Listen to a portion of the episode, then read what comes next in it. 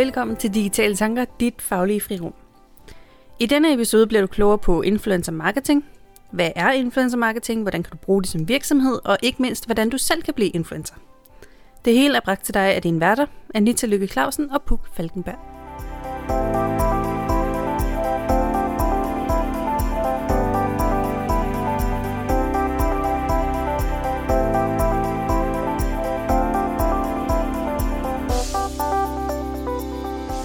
Sjovt, Anita. Vi har faktisk aldrig i hele Digital Tankers levetid snakket influencer marketing. Nej, det har vi ikke. Til trods for, at den branche er vokset meget stødt, mens vores podcast også har levet. Og til trods for, at vi jo ikke rigtig har kunnet undgå at forholde os til det. Nej. Ja. Så nu er det tiden. Mm? Nu gør vi det. Nu kommer det. Ja. Og den her episode vil være lidt mere om øh, definitionen og sådan basic i forhold til influencer marketing. Og lidt om, øh, hvorfor som virksomhed det måske er god idé at bruge det. Mm. Og til sidst så tænker vi også at komme med nogle refleksioner om, hvordan man kan blive det. Ja. Øh, hvis man sidder med en lille influencer gennem i maven. Ja, og det er der ikke noget af med. Nej. Nej, vi kommer nok også til at nuancere det lidt, så influencers ikke kun er, øh, og det er ikke for at kaste shade på nogen, men det ikke kun er madblogger på Instagram. At Ja. der, er- det er en bredere palet end. Mere diverst. Ja. ja. Lige præcis. Men øhm, skal vi starte med lige at få en definition på influencer marketing? Det synes jeg. Jeg tænker, at de fleste har nok en idé om, hvad det er, vi sidder og snakker om, men så er vi alle sammen på samme bane Ja. resten af episoden. Jeg synes, øh, jeg synes, det er fedt, at Wikipedia selvfølgelig har en definition af influencer marketing. Ja. Hvor at de også siger, frit oversat indflydelsesmarkedsføring. Eller markedsføring via indflydelse. Ja, det er en fri oversættelse. Det er en fri oversættelse. Og de skriver så også, at det er en form for marketing, i hvilken fokus er placeret på folk med indflydelse, i stedet for målmarkedet som et hele på sociale medier. Influencer marketing identificerer individer, som har indflydelse på potentielle kunder og retter marketingsaktiviteter mod disse influenter. I Danmark tog influencer marketing fart i 2017. Jeg hæfter mig lidt ved, at de nævner sociale medier. Som om, at influencer marketing kun er noget, vi bruger i sociale medier. Ja. Det er jeg ikke helt enig i. Men Nej, øh, det, men det kan også være, at sidst den side her blev opdateret, var det der før det virkelig trådte ud. Og jeg har også siddet, da jeg skulle tænke over den her episode, så har jeg siddet og tænkt over, at hvorfor er det egentlig, hvorfor er det egentlig skaleret til at blive talt om som en ny branche? Øh, fordi hvis man dykker ned i et element af influencer marketing, som er det her med, at der er nogle bloggere og Instagram og YouTube og sådan noget, der kører partnerskaber, mm, ambassadørskaber med et brand. Det har jo fandtes meget længe. Altså, så har øh, øh, Britney Spears været på Pepsi som en, en ambassadør, og så har nogle Ja. ja. fodboldspillere været øh, ambassadør for Adidas eller Nike, og så har Mm. de kun spillet i det, eller basketballspillere, eller hvem det nu har været. Så den der form for ambassadørskab, der også ligger i influencer marketing, har jo eksisteret meget længere, Ja. end i hvert fald blogger og Instagrammer Ja. på den måde. det er næsten noget af det, som reklame som branche det opstår af. Ikke? Ja. At der er nogen, der bruger et produkt, som vi spejler os i, Mm. som derfor vil vi gerne bruge det også. Ja. Øh, og det er jo basically det, det går ud på. At finde nogle produkter, der er relevante for sit brand, som ens målgruppe kan se sig spejlet i. Ja. Og øh, det, der også er sjovt, så lige for øh, Wikipedia at uddybe, så siger de også, det kan fremstå som anbefalinger, som i virkeligheden er reklame. Det er ganske rigtigt. Det som på den måde, jeg tit tænker over, det er, at det er faktisk ikke så tit, jeg ser en dårlig anbefaling øh, fra influencers. Nej, men det må måske også lidt ud fra devisen om, hvis du ikke har noget pænt at sige. Så lad være. Ja, så lad være med at indgå et samarbejde, hvis du ikke har noget pænt at sige. Ja, lige præcis. Men hvad så, hvis man har testet produktet og har sagt ja til samarbejdet, af, at man ikke kunne lide det? Siger man så bare noget positivt, eller? Bare lad være med at sige noget. Det kommer vel også an på, hvad der står i kontrakten. Ja, det er selvfølgelig rigtigt. Nå, det var lige sådan en, en tanke. Ja. tanketing. Ja. Øh, noget andet, der har, øh, jeg har tænkt meget over, Mm. det er, hvornår er man influencer? Og der vil jeg godt lige indskyde, Ja, at jeg jo sagtens skal tænke på min mor som en influencer. Altså min Mm. mor er jo ikke nogen, hun er min mor. ja, ja. Det, hun er, det er ikke nu, jeg hiver den frem og siger, og hun er så, Mm-mm. kender I hende? Øh, men altså, og det er vi jo også over for hinanden, altså Ja, ja, i forhold til købsbeslutninger og sådan nogle ting. Ikke? Så hvis du har øh, øh, et ur, og jeg spørger dig, er du glad for dit ur? Så er du kæmpe influencer på, om jeg køber det eller ej. Præcis. Så i mere eller mindre grad er vi alle sammen influencers. Man kan men, ikke undgå at blive det. Men for at blive en del af influencer marketing gamet, Ja. så øh, er der nogle forskellige byråer, der har prøvet at sætte nogle tal på, for at kunne dele folk i nogle kategorier. Ja. Og øh, fra Up Agency, som er en af de her agenturer, som arbejder med øh, influencers, Mm. de har så sat de her tal på. Jeg har også fundet nogle andre tal, men de har sat, at en mikroinfluencer er en person, der har mellem 1000 og 7500 følgere på Instagram. Når det er endda platformspecifikt. Det er Ja, platformspecifikt. det er meget sjovt, de har gjort det på den måde. mener jeg. Det kan også godt være, der stod sociale medier. Men det er i hvert fald, så der er en fast følgerskar. Mm. Så er der øh, makroinfluencer, som er fra 7.500 til 100.000. Mm. Og så er der mega-influencer, som er 100.000 plus. Der, jeg er lige ved at være der, men ikke helt.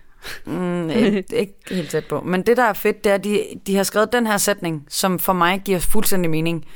Øh, Hvis du som virksomhed sidder og tænker, skal jeg bruge influencer marketing? Så siger de det her. Mega-influencerne vil starte ringe i vandet. Makroinfluencerne vil få dem til at sprede sig, og mikroinfluencerne vil holde dem i live.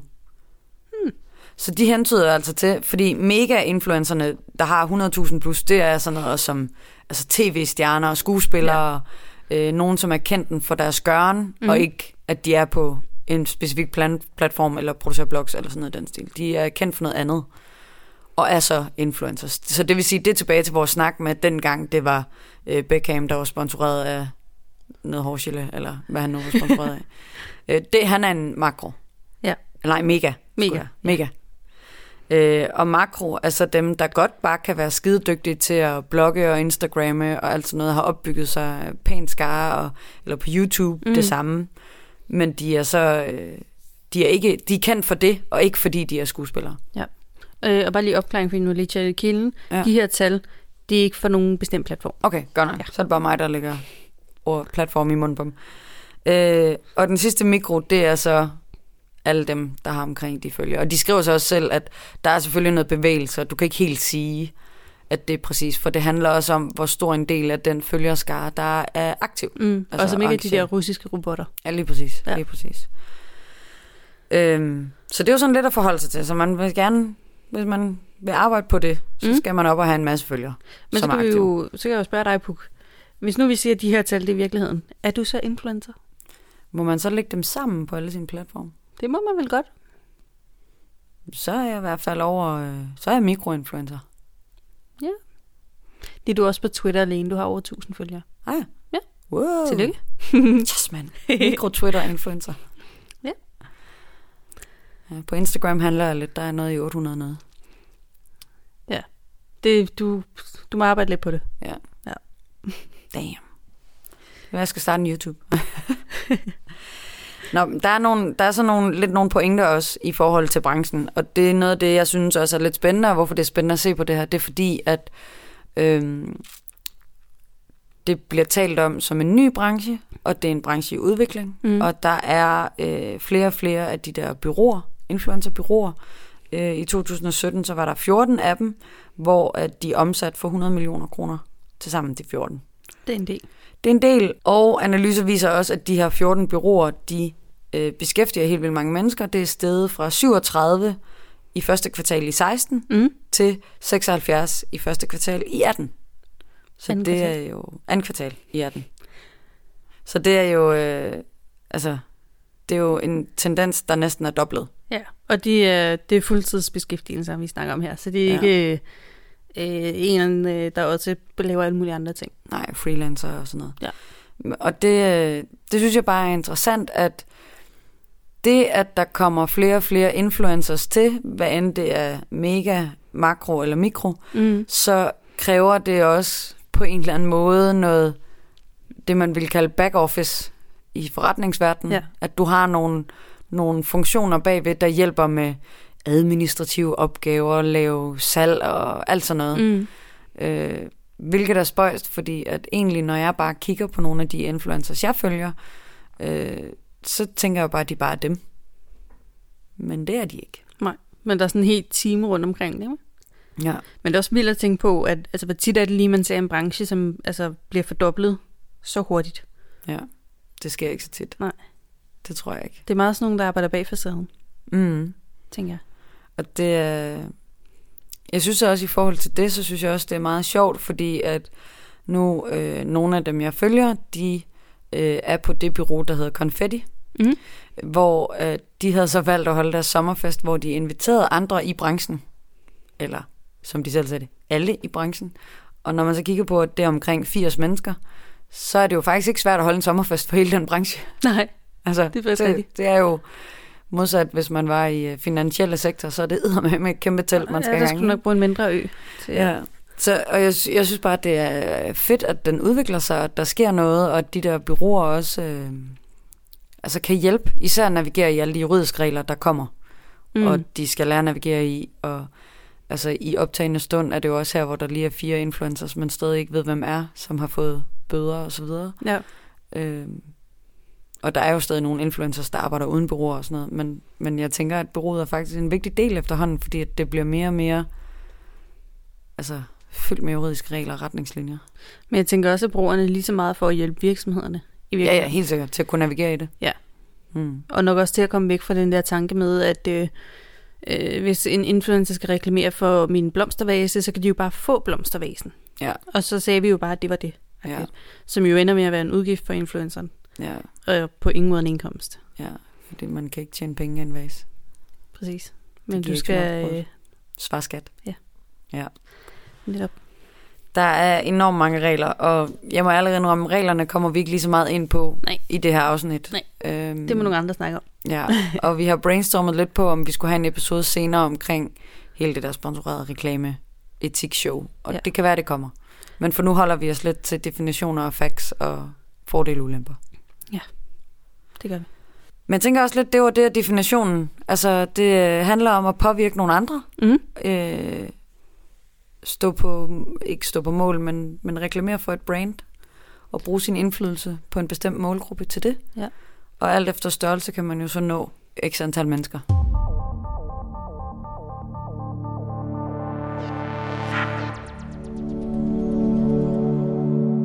Der er egentlig mange tråde til sådan det oprindelige... Altså hvis du tænker sådan noget Mad... Nej, hvad hedder det? Mad Men-univers. Mm. Ja, For det er ja. sådan reklame, da det begyndte. Ja. Altså der var virkelig meget af det, som man laver i influencer marketing, som er basically det eneste, de lavede dengang. Mm. Der er mange tråde, der sådan falder tilbage, hvor jeg synes bare til, at man omtaler influencer marketing som noget, der er sådan helt nyt. Ja. Altså med sådan noget, sådan en døgnflue-ting, som også snart uddør igen. Hvor det, sådan, det har altid været det, som marketing faktisk stod på Ja. af grundpiller. ja, ja, lige præcis. Jeg er netop i gang med at se Mad Men, Mm. og de sidder jo tit og diskuterer, hvem de skal kaste til de forskellige ting, fordi det skal være en, der ligner en, der kan influere målgruppen. Ja. Øh, Så der kan det godt være, at der ikke var et hashtag og et brugernavn på Instagram, der bare det med sig. Men det handlede stadigvæk om, at de skulle finde husmortypen, der Mm. kunne influere de andre husmortyper. Ja. Eller lige det rigtige øh, Beatles-track, eller et eller andet. Præcis. Ja. Og de brugte jo så også, og det er jo så også sjovt, fordi nu går vi så lige ud af et tidsspur, men det er okay. De brugte jo så også, øh, de snakker meget om det der med, at de som bureau skal have et bilfirma, for det giver mm. dem noget credit til, at andre firmaer vil booke dem, fordi Mhm. de har jo bilfirmaet. Ja. Det er en af dem. Lige præcis. Og der er, når man nogle gange hører øh, om influencers, så nogle af de brands, de har, afhænger også af, hvilke brands de ellers kan tiltrække. Ja. Så det er jo også lidt den samme tankegang af, at man skal have en portfølje af brands, man har med sig, for at kunne tiltrække andre brands. Ja. Det er bare for at hive influencer marketing væk fra den der øh, millennial øh, hype ting. Pedestalen. Ja. Det er også voldsomt at degradere det at sige, at, at influencers er bare endnu en platform. Ja. En, endnu en kanal, du kan kommunikere på. Det er måske også at nedgradere det, fordi at det er mennesker. Og mennesker er ikke bare endnu en kanal. Mm. Øh, men men øh, altså det handler jo om, jeg tror ikke som virksomhed, hvis jeg skulle stå for markedsføring af et, af et nyt produkt, at jeg udelukkende vil bruge det. Altså influencer marketing øh, står ikke nødvendigvis alene. Nej. Hvilket også lidt fra den der sætning fra Up Agency med, at det er mega influencersne, der starter ringene i vandet. Og det er makroerne, der får dem til at sprede sig, og det er influencerne, der får dem til at holde til live Mm. de mikroer. Og det er jo, øh, det er jo også det der med, at, at når, mange gange, når man opbygger kampagner, så er det jo ikke, man satser jo ikke kun på outdoor, eller kun på Facebook, Nej. eller kun på influencers. Man satser jo på at have det perfekte mix. Ja.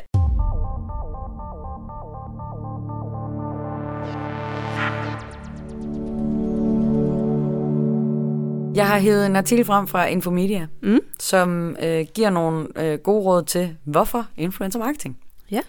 Og jeg tænker, nu læser jeg øh, dem højt for dig, og så kan du ligesom sige fedt, eller kommentar, eller hvorfor skriver de det? Det vil jeg gøre. Ja. I den rækkefølge. øh, det bestemmer selv. Et, influencers er mere troværdige end brands.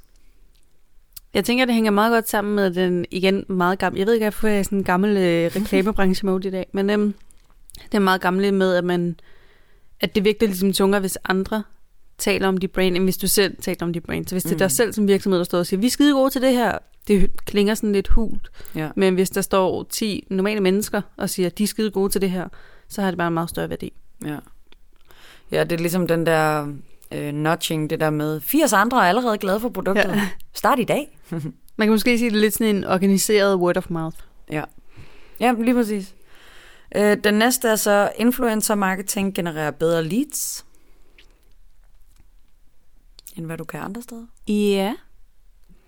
Nu sidder jeg lige og tænker med data og sådan nogle ting. Jeg er sådan lidt nysgerrig på, hvordan de rent teknisk samler de leads. Men, mm. Men ja, det kunne de godt bilde mig ind. Ja. Altså jeg tror, der ligger noget i, hvis vi nu skal tage i podcastverdenen, ikke, så er der jo tit, når, især når man hører amerikanske podcasts, så er der det der, visit the website, use, prom, use Mm. promo code, yeah, Ja. something, digitale tanker. Så kan de jo måle, hvor mange der har brugt den Ja. Promokode, og det samme sker også for nogle af influencers. Når, ah, jeg får lov at give jer 15% rabat, Ja. skriv Sofia er for nice i et eller andet. Øh, sådan noget. Og det er, jo, øh, det er jo lidt det samme. Det er jo nemt at måle, at de leads faktisk også går ind og køber noget. Men jeg sidder også lidt og tænker bedre, altså bedre hvordan. Ja. Fordi det kan godt være, at de skaber øh, bedre, øh, måske især hvis det ikke er sådan en her er en 15% promo code, at de skaber bedre sådan opfattelse af brandet. Ja. Så bedre leads på den måde, end det er øh, kroner og øre. Køb Ja. det her produkt leads. Så bedre leads, er det salg, eller er det engagement, eller er det dedikation, eller loyalitet, eller Ja. hvad er det? Ja, den vil jeg gerne lige have uddybet. Så er der, øh, jamen det må du så snakke med Infomedia om. Nu vil jeg. Så er der nummer tre, influencers sælger produkter. Det gør de sikkert. Jeg sidder og tænker, at der nok også, hvis jeg skulle sidde og lave sådan en opgørelse over en kampagne med en influencer, ville der nok også være en masse omsalg, som man ikke... Altså noget, der ligner direkte salg, ikke? Mm.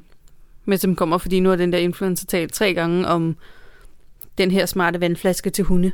Mm. Så den fjerde gang går jeg selv udenom influenceren ind og finder den, ikke? Ja, der googler du den, fordi du kan huske den. Ja.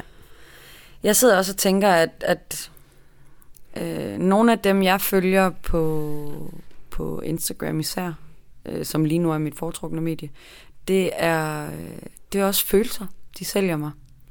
Hvis nogle af lytterne følger med især, så var der øh, på et tidspunkt, at hende her, og jeg anede ikke, hvem hun var, Liv Martine, som er fra Den Store Bagdyst, Mm-hmm. som jeg ingen idé havde om, hvem var. Jeg fandt hende af omveje, fordi at nogen, jeg følger, der renoverer bolig, øh, taggede deres, fordi at hende, Liv Martina og hendes øh, nu mand, også renoverer deres skov. Så jeg fandt dem på grund af det, og ikke en øh, dyt med hendes bagdyst. Men jeg landede så lige ind på deres renoveringsprojekt, hvor de jo i gang med at gøre deres lade klar til bryllup. Mm-hmm. Så jeg fulgte faktisk øh, deres profil i forhold til bryllupsforberedelsen. Og jeg begyndte at følge de profiler, som de faktisk linkede til i forhold til samarbejderne. For jeg synes faktisk, at lige hvis man piller det bryllup ud som case, Mm-hmm. så er det en virkelig godt, en god case for, altså set udefra, nu kender jeg jo ikke dataene bag, men hvordan at influencer marketing faktisk skaber de der ringe i vandet og holder dem ved live. Fordi at øhm, hun lavede, Liv Martine der, øh, et, øh, en story om, hvad var reklame og hvad var ikke reklame. Hvor hun helt blankt sagde, jeg kunne have fået et bryllup gratis, men det var jeg ikke interesseret i. Mm-hmm. Jeg var kun interesseret i at sige ja til de samarbejder, som giver mening for jer.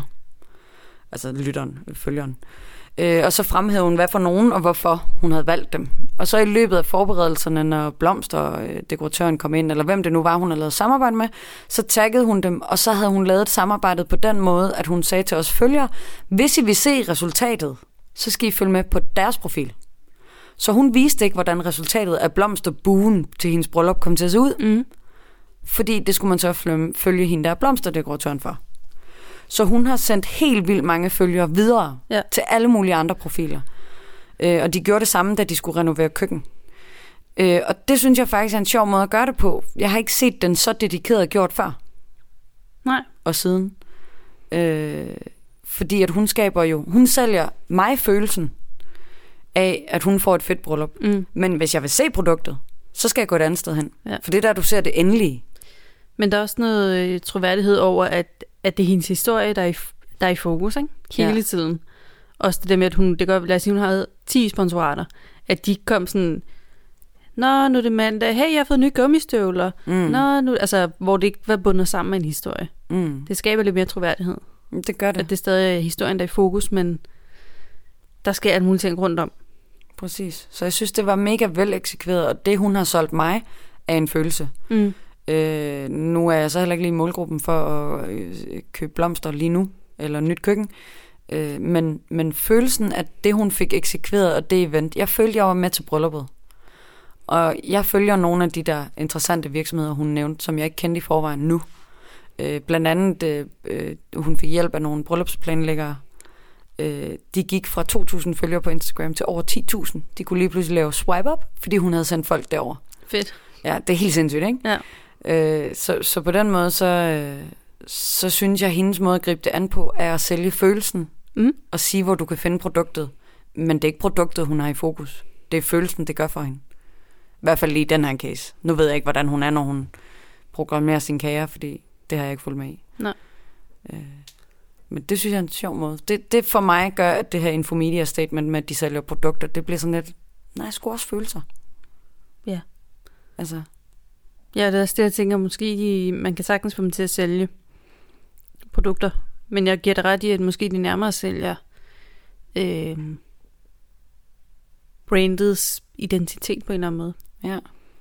Der var også nogen, øh, der i løbet af sommerferien, øh, influencers lagde mærke til, som, som lavede øh, ferier, altså sponsorerede ferier, hvor så havde de fået en campingvogn fra et brand, og så tog de på campingvognsferie. Mm. Eller de havde fået fra øh, et eller andet område, og så tog de på ferie i det område.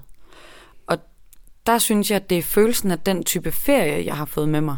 Det er ikke specifikt det brand af campingvogn. Nej. Jeg har fået med mig, at det hun, det hun erfarede på den campingvognsferie, det var for det første var det mega nice at være i den der campingvogn. Det er jo så produktsalget, ikke? Mm. Men for det andet, så var det en mega nice måde at rejse på. Ja, måske så måske nærmere, at du har købt ind på det at være campist. Så følelsen af den, den følelse, hun havde af at være på camping, den følelse vil jeg også gerne have. Mm. Og i mit hoved betyder det ikke, at jeg køber det produkt. Faktisk så kan jeg ikke engang huske, hvilket campingvognsmærke det var, hvilket siger, at det var lige irrelevant for mig. Mm. Det var ferien. Så det synes jeg faktisk er et vigtigt nedslag. Nu tog det også lidt længere tid, men undskyld. det var bare lige en tanke, jeg havde, at det er faktisk helt imod. Ja. At det er udlæggende af produkter. Ja. Så er der så øh, nummer 4. Influencer marketing giver høj ROI, altså return on investment. Mm. Jeg, altså, jeg tænker, der skal stå, øh, influencers, influencer marketing kan give. Mm. Fordi altså, det er kompliceret arbejde, og jeg tror, hvis man ikke gør det ordentligt, måske især hvis man ikke får hjælp af mange af de øh, byråer, som mm. specialiserer sig i det, så tror jeg hurtigt, man kan få kontaktet en masse influencers, og så ikke rigtig komme igennem med noget. At det kan godt være, at I har fortalt dem, hvad I skal gøre, og de har gjort det, men det ikke har været tænkt hele vejen rundt. Mm. Så det kunne have været gjort mere effektivt, eller Ja. bedre, eller mere professionelt. Ja. Jeg læste en undersøgelse med et tal, hvor at det var så på det amerikanske marked, men der fik de øh, 6,5 dollar igen per dollar, de lagde hos en influencer. Mm. Det er jo, det er jo højt Ja. return, ikke? Jeg tror bare ikke, man skal undervurdere, at øh, det er ikke noget, man bare lige sætter studenten til. Mm. Altså, det er et håndværk, ligesom Ja. alle andre, ligesom e-mail marketing også er et håndværk. Det er noget, som man skal kunne, og det er noget, du skal have nogle specialister til at hjælpe dig med, hvis du skal have noget rigtigt ud af det. Og jeg Præcis. ser bare mange af de der virksomheder, der sådan kan vi give dem en skive brød, og så er det bare studenten, der klarer det på onsdag, når hun kommer. Ja. Så, ja. Jeg synes, det er et område, der lidt tjener lidt mere, anerk- fortjener lidt mere anerkendelse. Ja, det synes jeg også. Så er der så den næste, influencer skaber brand awareness. Den har vi næsten snakket om. Ja, det gør de. Ja. Altså, det er det, de virkelig er gode til. Mm. Og så er der så bare konstatering af, nummer 6, influencer marketing vokser og vokser. Det er så ja. sådan noget på tallene. Det gør det. Ja. Øh, og din pointe, det der med, at vi har altid gjort det i en eller anden form, den tror jeg også, vi skal holde fast i, at det kan godt være, at influencer marketing om 5-10 år ikke ser ud, som vi kigger på den lige nu i Mm. 2019, men øh, den ser anderledes ud, har fået et andet format. Ja. Så er der så også øh, syv. En influencer laver bedre indhold end dig, og her er dig, så virksomhederne. Det tænker jeg også kommer lidt an på influenceren. Jeg tænker, der nok er mere hjerte med i indholdet. Mm. Så en virksomhed kan jo sagtens lave en eller anden pissefed beregner, som bare hører sammen med en eller anden super oplysende artikel, som virkelig redder din dag, fordi du har siddet og haft hovedpine over det her, du skal have løst. Så er det stadig pissefedt indhold, men mm. der bare ikke så meget hjerte i det. Nej. Hvor jeg tænker, influencers er lidt mere, fordi der er så meget personlighed i indholdet. Så det er i hvert fald øh, altså bedre på en anden måde. Det er bedre, fordi der, netop som du siger, der er mere følelse i det, ikke? Mm. Ja. ja. Det jeg er meget enig med dig i. Også at øh, det bliver deres stemme, Mm. der gør det bedre. Deres tone of voice. Og det er sjældent, at en virksomhed kan gøre det samme. Ja. Blandt andet, fordi det er super kedeligt at se et brain stå og snakke. Præcis. Og så er der så nummer 8 om, at mikroinfluencers er de mest effektive. Og det er jo så tilbage på pointen om, at det er dem, der holder det i live. Mm. Øh, og det kan jeg simpelthen ikke udtale mig om. Det ved jeg ikke, om det er. Nej. Øh, men jeg kunne godt forestille mig, at der var noget ved, at de mindre influencers kan holde gang i noget andet, end de mega kan, fordi de mikro går måske også op i, ej, der var nogen, der svarede mig, hvor fedt, og så øh, går man mere op i at engagere øh, sin målgruppe, hvor at, jeg tror ærligt talt ikke rigtig, Beyoncé svarer på de kommentarer, der kommer på Instagram. Tror du ikke det? Ikke de der mange, mange tusind, tusind kommentarer. Jeg tror måske også, at hvis man arbejder med øh, mega-influencers, så vil de jo, der, altså de vil jo altid have en anden fanskar, eller ikke fanskar, men netop det modsatte af folk, som mm. ikke kan lide dem. Øh, og hvis de endda er helt store, så vil det altid være sådan noget, øh, lad os bare tage Peter Falktoft med hele hans ryge-podcast, nu har han ude og sagt, at hey, vi skal stoppe med at ryge, Mm. og han får bare backlash, fordi han er, altså der er så mange, som ikke kan lide ham, fordi han er så kendt. Ja. Og jeg tænker, hvis du er den der mikroinfluenter, som har mellem 1000 og 7500 følgere, så dem, der følger dig, er nogen, som rent faktisk godt kan lide dig.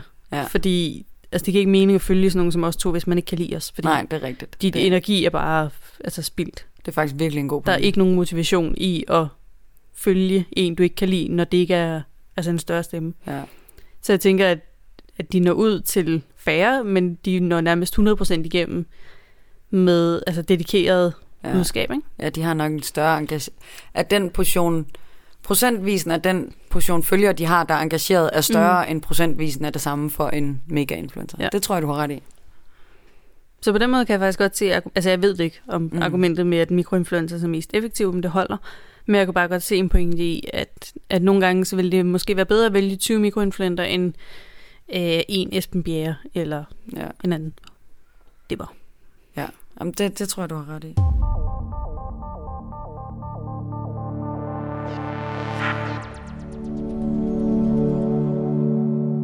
Og det leder os hen til det næste. Fordi, hvad skal du så gøre, hvis du gerne vil i gang med det? Hvis du sidder derude som virksomhed og tænker, åh, oh, vi har stadig ikke taget hul på det der influencer marketing. Hvordan gør vi? Øhm, så, og du har allerede sagt nogle af tingene, og det gør mig glad, at du i dine pointer har, har brugt nogle af alt det her. Fordi hvis vi sådan skal tage bare lige kort de fire, så er, handler det om, det bedste råd, det er, foretage en analyse af dit marked. Mm. Altså, hvem skriver om din branche? Hvem lytter dine kunder til? Hvad er deres vinkel, stil og metode? Og så undersøge, hvad de øh, interesserer sig for lige nu og her, og skabe kontakt ud for det. Og så bliver samarbejdet bedst, når begge parter er glade. Mm. Det er sådan ligesom de råd, øh, jeg har kunne finde rundt omkring på nettet. Og det, der er øh, essentielt, synes jeg, det er faktisk den der undersøge, hvad de interesserer sig for lige nu. Øh, jeg har siddet steder, hvor at man gerne har ville lave influencer marketing, hvor man bare har tænkt, Nå, men øh, hun kan godt lide smykker, så vi sender hende bare vores smykker. Ja.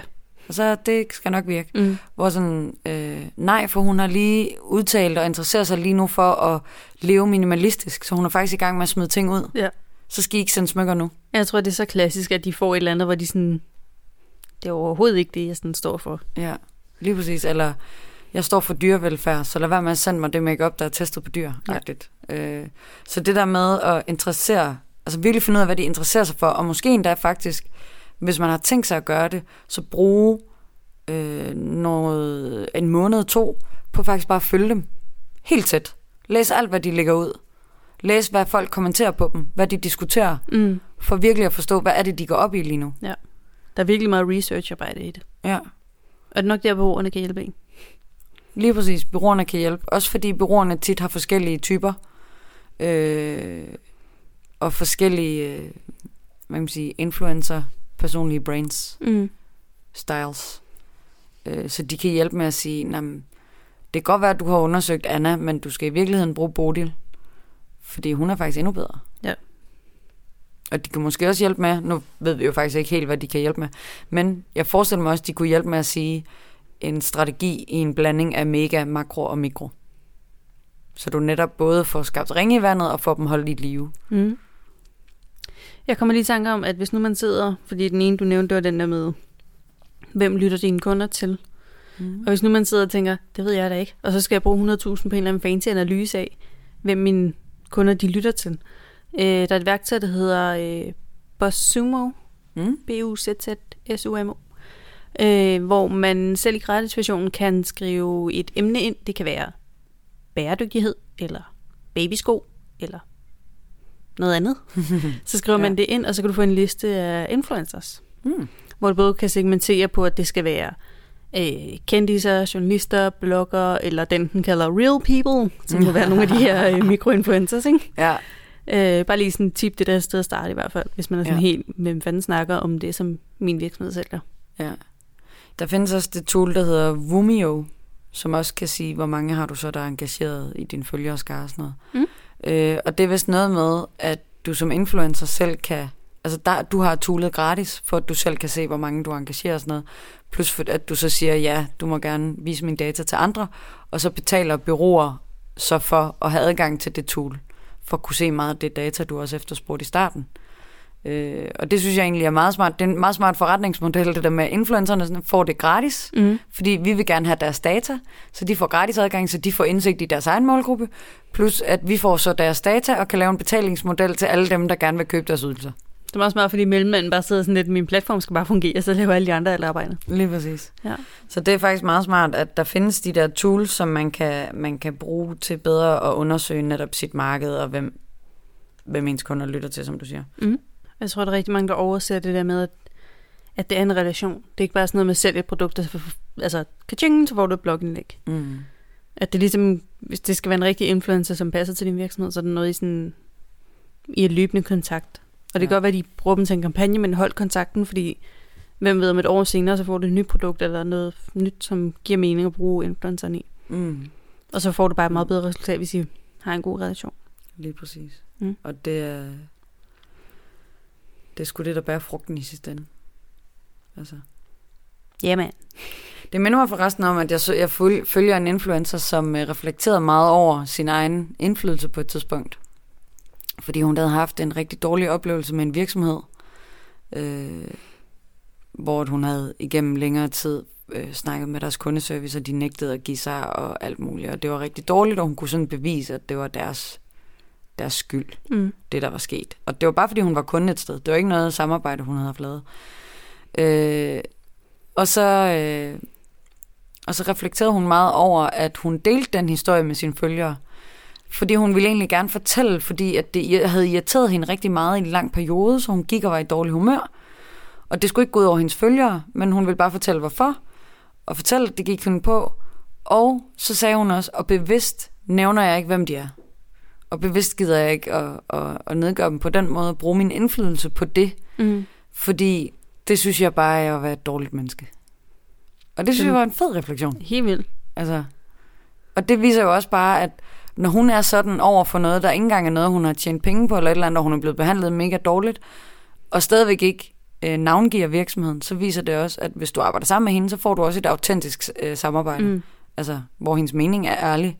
Og det er jo sådan nogle ting, du ikke opdager, hvis du bare finder hende og sender ting til hende. Du bliver nødt til at følge hende for at få de der oplevelser med. Ja. Af, hvad stemme er det, de har? Hvad er det for en indflydelse, de faktisk gør? Og hvad bruger de den til? Og siger også noget om, at hun er en af dem, som har altså, taget ansvar over for sin rolle. Ikke? Mm.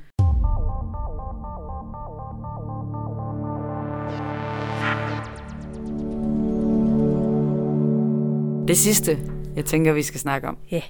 Det er, hvad gør man, hvis man gerne vil være influencer? Ligesom Puk. Og øh, det er jo lidt sjovt. Jeg sad og snakkede med en, som arbejder på en af de her byråer, også for at lige samle lidt research og sådan noget. Øh, og hun sagde også, det der med en mikroinfluencer på Instagram var gerne over 1000, og jeg Mm. havde 800, og jeg tænkte bare, jo, nu vil jeg også snart. Hvornår man så snart influencer kan sige swipe up, men det er så først teknisk set ved 10.000, er det ikke Jo, det er det. Lang tid til at kunne lave swipe up. Ja, men ikke så lang tid til du er influencer. Du må også med være Twitter-influencer. Ja. Og spørgsmålet er så nu, Mm. hvilken type influencer vil jeg være? Og hvad skulle jeg lave? Og hvordan bliver man det? Hvordan finder man det? Jeg tror mere mit handler om, at øh, jeg havde Instagram, der gik på uni, hvor der er mange mennesker, ej, så skal jeg også følge dig, og sådan noget. Så jeg tror ikke, jeg har en særlig aktiv følgerskar. Jeg tror ikke, det er bevidst, at der er så mange. Mm. Øh. Men hvad, hvad tænker du? Hvis, hvis... Nu lader vi som om, jeg gerne vil være influencer. Det er det, jeg gerne vil. Mm. Hvad tænker du så, jeg ville skulle gøre? Jeg tænker, at noget af det første, jeg kan ikke huske, hvor jeg har det fra, men øh, at der er en opdeling af influencers. Mm? Øh, og den er lidt sådan en, du enten det ene eller det andet. Du kan rigtig være begge dele. Ja. Du kan godt skifte fra at være det ene til at være det andet, men det er ikke bare lige noget, du gør fra dag til dag. Øh, og den ene kategori af influencers er sådan nogle underholdningstyper, så det er dem, du sådan ser for at blive underholdt. Det er, når du sidder fredag aften eller vågner lørdag morgen, og du sådan gider ikke stå af sengen, så tjekker du lige, skal lige underholde, hvor dagen kommer i gang. Mm. Øh, så den kan du blive. Og den anden type, det er øh, faglige influencers. Så det er nogen, som er kendt for deres faglighed. Så det er ikke nødvendigvis dem, du lige, du ved, når du er halvfuld fredag aften, lige tjekker deres story, fordi du ved godt, at det bliver noget fagligt, og det Ja. Skal du nok være lidt klar i hovedet for at kunne følge. Ja. Øh, og pointen var lidt, at du kan ikke, hvis nu du er, lad os sige, David Gulager, han må være, ah, nu er han også Godmorgen Danmark vært, det var også dumt. Find en anden, ikke? Hvis nu du er Svend Brinkmann, Mm. så må vi kalde dig en faglig influencer, Ja. tænker jeg. Så er det øh, ikke sådan helt likely, at han begynder at lægge øh, stories op, nu bliver jeg bare lige Instagram-mediet, øh, af fredag aftens udskejelser og fester og det ene og det andet. Øh, fordi det er, sådan ikke, det er ikke det, der er relevant for hans følgere. Mm. Øh, så det er lidt det der med, at man hurtigt kommer i enten den ene eller den anden kasse. Så det tænker jeg er det første, du skal forholde dig til, Puk, når nu du skal til at være influencer. Ja. Om du Det- skal være øh, underholdning, eller om du skal være faglig. Det lyder også lidt som om, at noget af det, vi også har snakket om i andre podcasts, og blandt andet skrevet i en bog, Pas på mig, jeg er ny i branchen, om, Mm. er det her med, at man skal finde sin niche og sit personlige brand. Ja. For hvad er det, der er det, der gør mig til en influencer? Hvad er det, jeg, hvad, hvilken stemme vil jeg have? Mm. Øh, okay. Så det, hvis vi oversætter det til mit eksempel, så skal jeg finde ud af, om min Instagram skal fylde mere med min hund, eller mere med mit arbejde. Altså mit rigtige arbejde. Og vi ved jo godt, at hvis den, det skal være mere af din hund, så skal Alvin jo bare have sin egen Instagram, ligesom Charlie har. Det er rigtigt. Det er den eneste rigtige måde at gøre det på. Og det var lige Charlie er Anitas hund, der Ja. har sin egen Instagram. Charlie står farlig. Ja. Yes. I skal være velkommen. Hvad tænker du ellers? Jeg burde vel lave en strategi i forhold til øh, altså dedikation af tid til at engagere mine følgere. Fordi hvis Ja, man skal så- være influencer, de måler på engageret følgere, ikke? Jeg tænker også, du skal være lidt afklaret med, om du vil være influencer fuldtid, eller om du bare vil være sådan en hygge ting. Lad os sige, at du starter øh, Puks madblog. Øh, lad os sige, at du er helt vildt dårlig til at bage. Så nu sætter du for, at du vil gerne lære at bage. Mm. Og det Mhm. bliver simpelthen din rejse, som man følger. Kæft, det er en god idé, det her i øvrigt. Øh, Ja. På Instagram. Og meget sandt. Så hver fredag, nej, hver onsdag, når du kommer hjem fra arbejde, så bager du. Og det er noget nyt, du bager hver uge. Ja. Fordi du skal udfordre dig selv. Du skal lære noget, og så skal du finde ud af, at natron bruger du til det her, i forhold til bagepulver, som bruger du til det her, fordi at syre base, ma. Og hele den rejse, den følger man på din Instagram. Ja. Du tager bare ideen, du løber bare med. ja, den er meget, meget god. Så tænker jeg, at du skal finde ud af, om du gør det, fordi du synes, det er lidt hyggeligt den der onsdag aften at vide, at du skal hjem og bage, eller om det er, fordi du tænker, det der, øh, hvad hedder det der kageshow, den store bagdyst, Mm. det skal jeg være med til om to år. Ja. Og så skal vi jo også lige øh, åbne en række caféer og konditori Lave og eget bla, stel. Og... være i fjernsynet. Jeg tænker, det er meget godt at have en afklaring. Ikke at det hele sker fra en dag til den anden. Men der er Ja. ligesom et andet tempo i tingene. Så faktisk, og, og det her, det er også, øh, det jeg hørte dig sige, det er også ligger, lidt at lægge en øh, karriereplan. Lige forventningsafstemme Ja. med sig selv. Ja. Hvor skal vi hen? Jeg synes, øh, det er meget fedt ved, ved, ved de råd, du giver mig her, hvis jeg skal være øh, bage. Fordi jeg ved så meget om det. ja. det. Det er faktisk spejlingen over i alle de råd, man giver til alle andre, der vil være noget andet.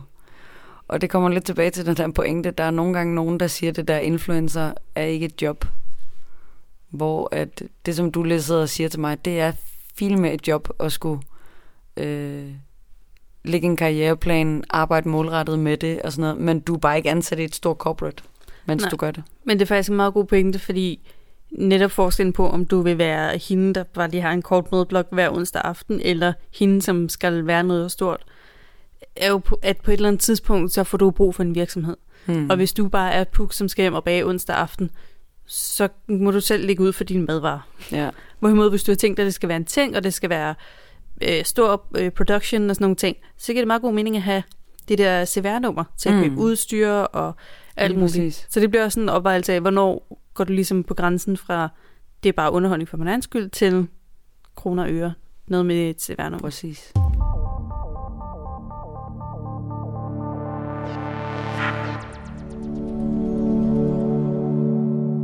Det er et spændende emne, og det er jo første gang, vi tager hul på det, Mm. øh, når, som vi startede med at indlede med i Ja. podcasten. Og øh, det fascinerer mig altså lidt, også her øh, i de her tider, hvor at, at der begynder at blive delt nogle bøder ud, og jeg faktisk også selv begyndt at følge flere og flere. Jeg ved ikke, hvor mange du følger, men jeg begyndte at følge en håndfuld fast Mm. mm. på, øh, på Instagram, hvor jeg sætter story. Det sjove er, dem jeg følger, og der ved jeg ikke, hvor mange, der har det på samme måde som mig. Jeg følger dem kun på Instagram. Hver eneste gang, de snakker om, de har lavet et blog, så gider jeg ikke. Jeg gider ikke at læse om 10 grunde til, at vi tog på badeferie, eller Nej. Nej. sådan bruger jeg øh, affaldssortering korrekt. Det er jeg faktisk ligeglad med. Jeg vil bare se deres liv på Instagram. Ja. Både det gode og det dårlige. det, jeg, for, jeg fatter det. Jeg ved det ikke helt, hvorfor. Men sådan har jeg det. Men det er også noget med, hvor meget... Øh, altså, hvor, dedikeret, hvor dedikeret du er til deres indhold, ikke? Læse Ja. blogindlæg kræver mere koncentration, mere fokus, det tager mere tid, end hvis du bare lige skal se deres story. Ja. Så jeg tænker, det handler også om, hvor engageret du er i personen. Ja, der er også en, jeg har fulgt meget længe på Instagram, og det er først for nylig, jeg kiggede ind på hendes YouTube, som egentlig er det, hun er kendt for. Altså, Instagram er bare noget, hun gør, fordi hun synes, det er sjovt, Mm. men hun lever af at lave YouTube. Ja. Og jeg har aldrig set en YouTube-video før for nylig.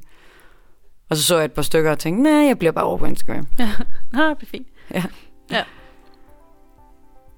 Det var lidt et tidsspor også. Hvis vi skal konkludere, Ja. så er der nogle definitioner på, hvornår man er influencer. Mm. Der er, øh, det handler om, at du er i stand til at brande noget, sælge noget, skabe en følelse. Øh, og hvis du er virksomhed og gerne vil i gang med det, så skal man øh, research rigtig meget Mm-hmm. og finde ud af, hvad er interessen for den, man gerne vil samarbejde med. Ja. Og man skal opbygge en relation. Øh, og der er rigtig meget, man kan få hjælp fra eller bruge de byråer til, i forhold til, at de har jo det endnu større netværk og Mhm. viden. Masser Ja. af viden. Ja. Og sidst men ikke mindst, hvis du vil være det selv, så er der noget med at finde noget, hvilken type er du, din niche, din personlige branding. Hvor Øh, meget skal det fylde? Hvor meget skal det fylde? Ja, altså jeg ved ikke med dig, Puk, men øh, jeg vil bare glæde mig til, at episoden øh, kommer ud, og til, at vi kan følge med i Puks madblog på Instagram. Bageblog. ja. Det kommer ikke til at ske. Jeg er virkelig dårlig tilbage. ja, det er det, der er pointen. det bliver så godt. Du kan som altid følge med os, vores influencer-arbejde som podcastværter, hvilket der også står i en af vores artikler i show notes, at det betyder, at vi er influencers med podcasten. Ja. Men du kan følge med hos os på Twitter, og du er mere end velkommen til at skrive til os på digitale tanker podcast og så håber vi, at episoden satte gang i dine digitale tanker, og du nåede en stund i det faglige frirum. thank you